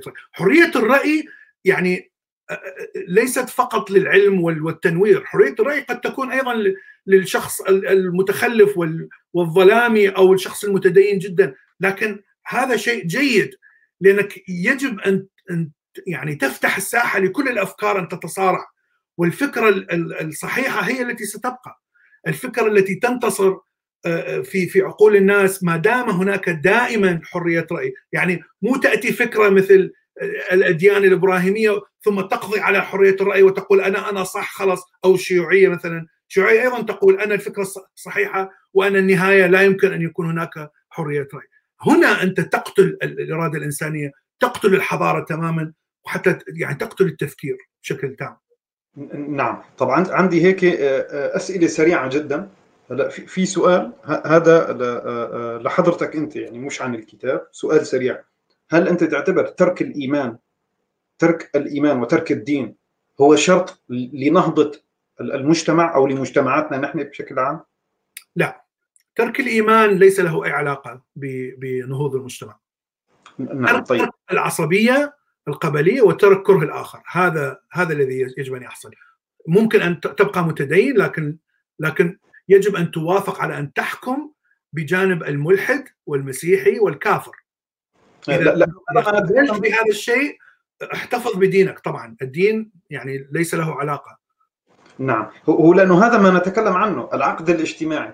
نحن ما بدنا يعني روابط دينية أو أساليب بتصنف نعم. المجتمع بطريقة غريبة. نحن صرنا مجتمع يعني المجتمع الإنساني تقدم وصار في عقد اجتماعي وهذا اللي عم نحكي فيه من الصبح نعم. من آخر تماما. وهلأ هون سؤال من خلال قراءتك حتى بكتب جين جاك روسو الأخرى هل هل هو بيتحدث عن قضية إنه حتى الأخلاق البشرية اللي هي بيناتنا خارج نطاق الدين هي تبرر من من فكرة العقد الاجتماعي؟ أنها عقد اجتماعي متعارف عليه بين الناس إنه نحن نصدق ولا نكذب وأمانة ولا نغدر و...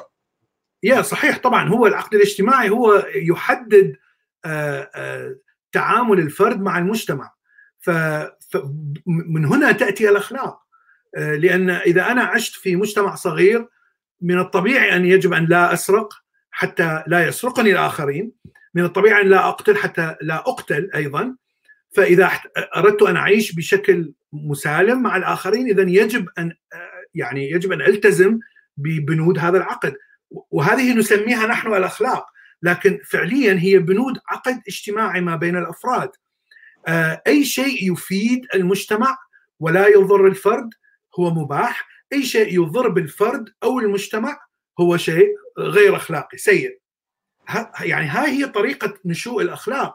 ولهذا أنا أرد على المتدينين عندما يقول أن الدين والله هو الشريعة التي تأتي منها الأخلاق أقول له اقرأ العقد الاجتماعي. ليس ليس هناك دين ليس هناك إله. فعليا مجموعة من البشر تتفق على على قوانين معينة وأخلاق معينة حتى تتعايش بسلم. طبعا إذا عشت مع باقي مع مجموعة من البشر ستضمن الحماية ستضمن أنك تتعلم بسرعة لأن المعرفة ستنتقل بشكل أسرع. فإذا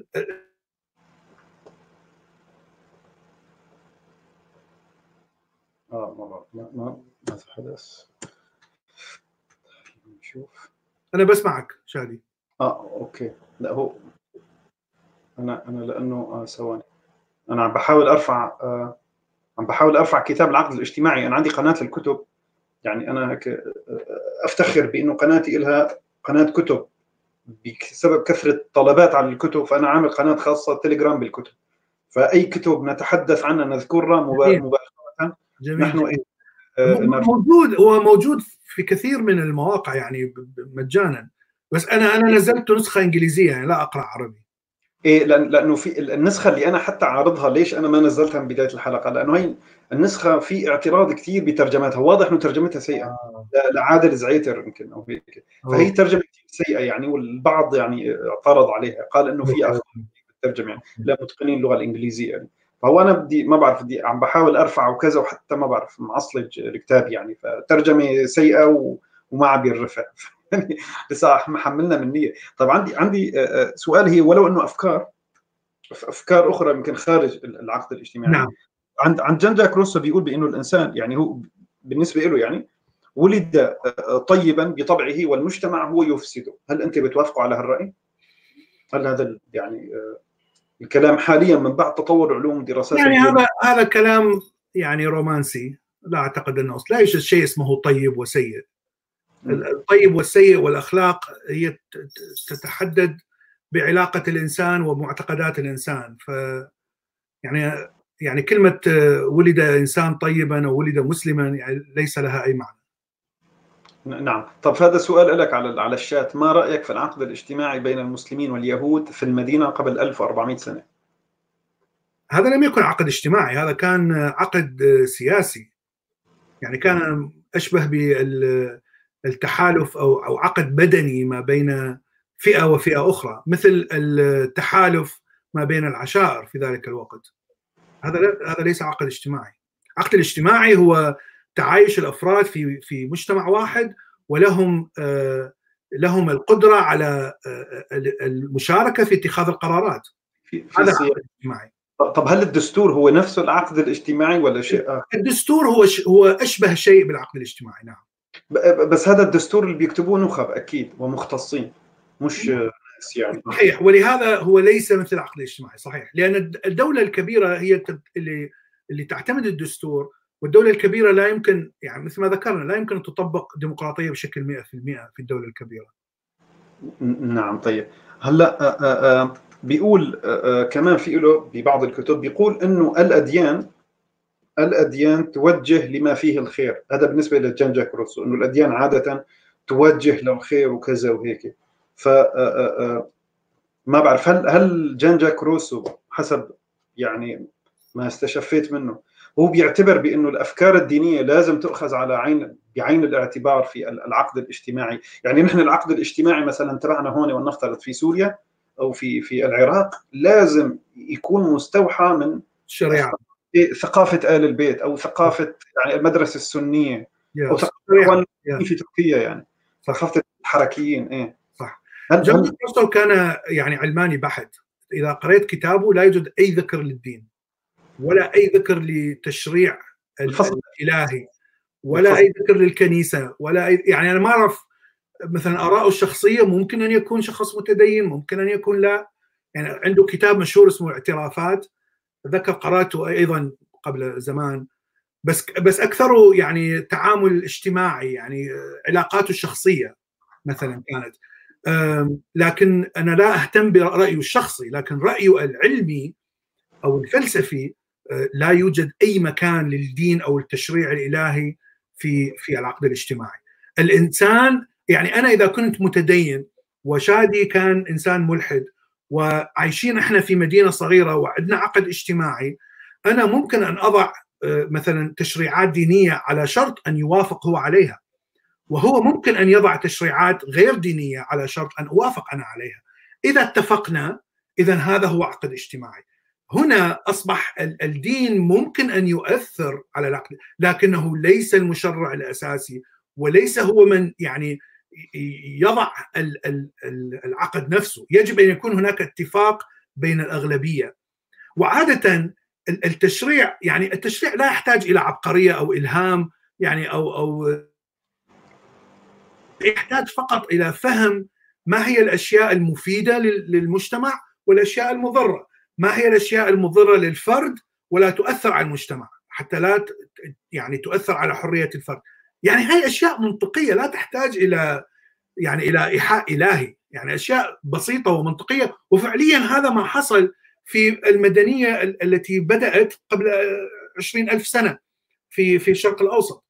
وانتهاء بالإمبراطورية أول إمبراطورية السومرية مثلا اول مدنيه أو اول دوله مدنية.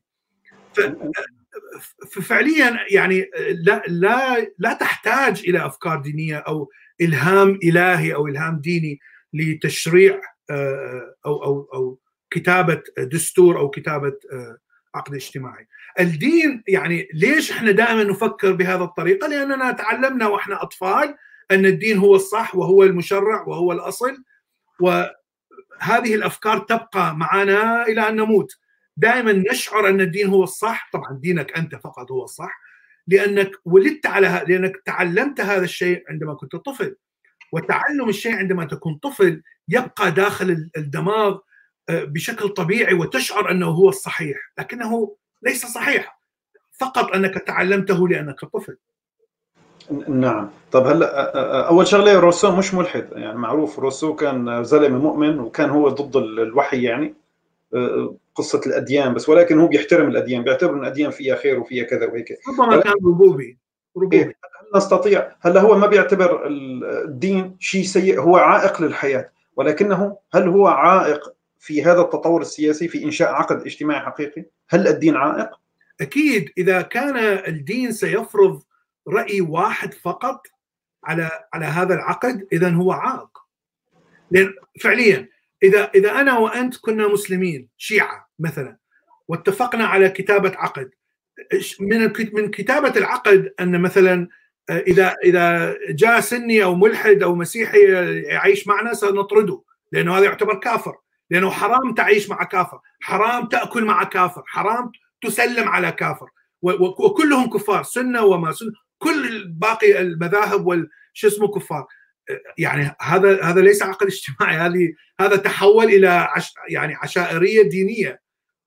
وطبعا غير مسموح بحرية الرأي، غير مسموح بالتشريع، لا يوجد تشريع، التشريع هو موجود ويجب أن تستقبل به كما هو، اذا حتى أنت يعني قضيت حتى على العقد الاجتماعي لأنك فعليا أخذت تشريع جاهز ووضعته كعقد اجتماعي. نعم ليس هكذا تورد ال ال الإبل. طب أنا أنا أنا يمكن هي أهم النقاط اللي أنا كنت حابب إنه نتحدث فيها بال شو اسمه؟ بالكتاب. نحن صرنا حوالي ساعة و ساعه دقيقة. إي نعم. هل لديك شيء آخر لتطرحه بالنسبة للكتاب بالنسبة لجان جاك روسو أو أنا يعني فعلا مثل ما قلت جان جاك روسو كان له تأثير كبير جدا على الثورة الفرنسية. أعتقد أن التاثير المباشر كان هو إلغاء العبيد. لأن هكا يعني هاي كانت عنده مشكلة كبيرة. ليش هناك تشريع للعبودية؟ وهذا الشيء أثر بشكل مباشر على الثورة الفرنسية. لكن تكوين الدولة والحكومة وفصل التنفيذية عن التشريعية وكل هذه يعني ال الأشياء التي حاول أن يبني منها هرم فكري يعني لم تطبق بشكل سريع طبعا في في الثورة الفرنسية لكنها طبقت يعني بعدها ب 100 سنة أو أكثر. لكنها بدأت تنتشر حتى في الممالك الأخرى الأوروبية وبدأت تؤثر على هالأفكار. يعني تحول الناس إلى مثلا نظام انتخابي لرئيس وزراء أو أو لرئيس أو أو وضع الملك بشكل صوري أكثر. وليس تشريعي وتنفيذي بشكل نفس الوقت. يعني أكيد أفكار روسو يعني أثرت في هذا الشيء. طبعا ليس فقط روسو كان هناك الكثير من من المتنورين في ذلك الوقت المظلم من من السياسة الأوروبية. لكن طبعا تأثيره كان قوي جدا. وحتى الآن إذا إذا نقرأ كلامه نراه صحيح وهو يعني يشير بالسلبيات الموجودة في الحكم الأمريكي مع أنه يعني يعتبر نظام ديمقراطي وجيد وإلى آخره لكن هناك مشاكل وروسو يعني يشرح هذه المشاكل. فهذا شيء يعني عظيم يعني كلامه حتى بعد 250 سنة يعني لا زال صحيح ولا زال مؤثر مثل مثلا جمهورية افلاطون 2000 أو 3000 سنة أو 2000 سنة أيضا ترى بعض كلامه يعني صحيح وهناك كثير من الانتقادات التي لا زالت موجودة. فهذه يعني هذا هذه القوة التي القوة الفكرية التي وضعها روسو ان أن كلامه ممكن أن يكون صحيح وانتقاده يكون صحيح حتى بعد مئات السنين. لأنه يعني وضع تحليل فكري هائل وجميل لكيف تتكون الدولة مشاكل الدولة كيف نحاول أن نحل مشاكل الدولة يعني إلى آخره. فأعتقد أن هذا يعني شيء مهم جدا أن كل إنسان أن يفهم هذا الكتاب ويفهم ماذا البنود الأساسية التي ركز عليها روسو ومن ثم إذا كلنا فهمنا هذا الشيء ممكن أن أن, نبني حكومة أفضل. هذا الشيء نعم. الذي حصل في أوروبا مثلا. هو هو هو حاول إنه يجيب على سؤال شو هي أفضل طريقة لإقامة مجتمع سياسي؟ وهذا ربما تلاقوا مجتمع. ومجتمع عادل يختلف عن النظام الطبيعي نظام الغابة الذي كان هو الصحيح هو المنتشر في أوروبا يعني في القرن السابع عشر. نعم. المجتمع الطبيعي طبعا هو مجتمع متوازن ولكنه ليس عادلا. انتبهوا. ليس طيب. عادلا بالضبط يا. طيب هلا كلمة أخيرة خلينا نحكيها. نحن حكينا الآن عن أفكار جان جاك روسو أو العقد الاجتماعي بشكل عام سواء عنده سواء عن جون لوك أو أو توماس هوبز هي كلها تحكي عن نقطتين. النقطة الأولى مسؤولية الحاكم والمحكوم تحديدها وبعدين ضبط العلاقة بيناتهم. ميثاق لضبط العلاقة بين الحاكم والمحكوم. هذا هو العقد الاجتماعي عقد ما بين المحكوم والحاكم. وهذا الحاكم إذا إذا إذا أخل بالشرط من حق الشعب إنه يشيله. صح. آه بنفس الوقت الشعب هو بيتخلى عن جزء من من حرياته ومن شان هذا الحاكم. المهم هذا المفهوم نحن طرحناه يعني ووفينا فيه. والنقطه الأخيرة اللي هيك نختم معها بهذه السهره الجميلة شو هي هذه الأفكار اللي استفاد منها الغرب وحقق فيها إنجازات نحن عمال بنشوفها بالحياة شو هي المسافة بين الدول العربية أو لو تحب تختار دولة عربية تقارن معها شو هي المسافة بيننا نحن؟ آه ناحية فكرية أو تطبيقية نحن بيننا وبين هذا العقد الاجتماعي. إنه يصير بحياتنا في شيء اسمه العقد الاجتماعي بسيط متطور يعني ننتقل لهذه المرحلة. قديش في مسافة برأيك؟ وشو بتنصح؟ تفضل. من الصعب تحديد مسافة. المسافة هي الأجيال التي تتخلى عن العصبية القبلية وتتقبل الآخر. و وأيضا تأخذ بالطريقة العلمية للمعرفة. إذا استمريت مليون سنة والأجيال لا تتعلم هذا الشيء يعني راح راح تبقى بنفس الدوامة ولا ولا يمكن أن تتغير. إذا يعني إذا تغير الجيل وبدأ يتوعى ويتعلم ويترك الكراهية سوف تتقدم بسرعة وخلال مثلا جيلين ثلاثة ممكن أن تتحول وتتقبل العلمانية. أعتقد يعني هناك شيء جيد لأنه الإنترنت أباح نشر هذه الأفكار وأباح وصول هذه الأفكار لكل الناس. قبل الإنترنت كان هناك سيطرة إعلامية مباشرة من من الدولة ومن رجال الدين على ماذا ممكن أن يسمع أو يقرأ أو يشاهد الشعب لذلك كان هناك سيطرة على نوعية التفكير وطريقة التفكير إلى آخره. الآن الإنترنت كسر هذا الشيء. لا يمكن أن تسيطر فقط على فكرة معينة واحدة هي التي تصل للمستمع. وهذا شيء يعني أول خطوة في في الوصول إلى تقبل العلمانية. كيف ست يعني كيف ستكون الخطوة الثانية من الصعب يعني التكهن؟ لأنه أنت صح فتحت مثلا الإنترنت الإنترنت فتح شيئين يعني فتح تنوير وفتح تخلف.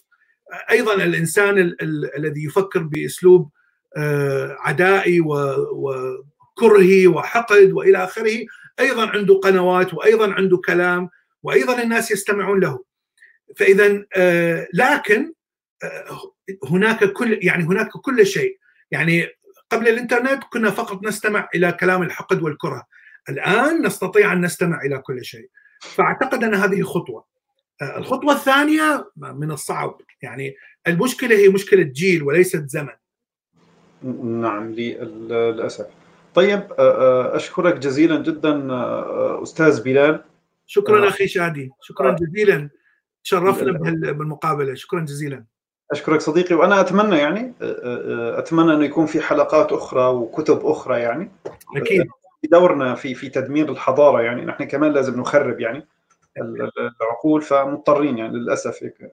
نخربها ونبنيها بالعلم. أنا مهمتي التخريب يعني أنت بتعرف. يعني يعني. أشكر جميع المتابعين اليوم. هي رابط قناة الأستاذ بلال أنا وضعتها. بتشتركوا بقناته. أنتم على الأقل ممكن تسمعوا معلومات مكثفة جدا وبوقت قصير وبدون الاستفاضة تبع صديقكم شادي يعني.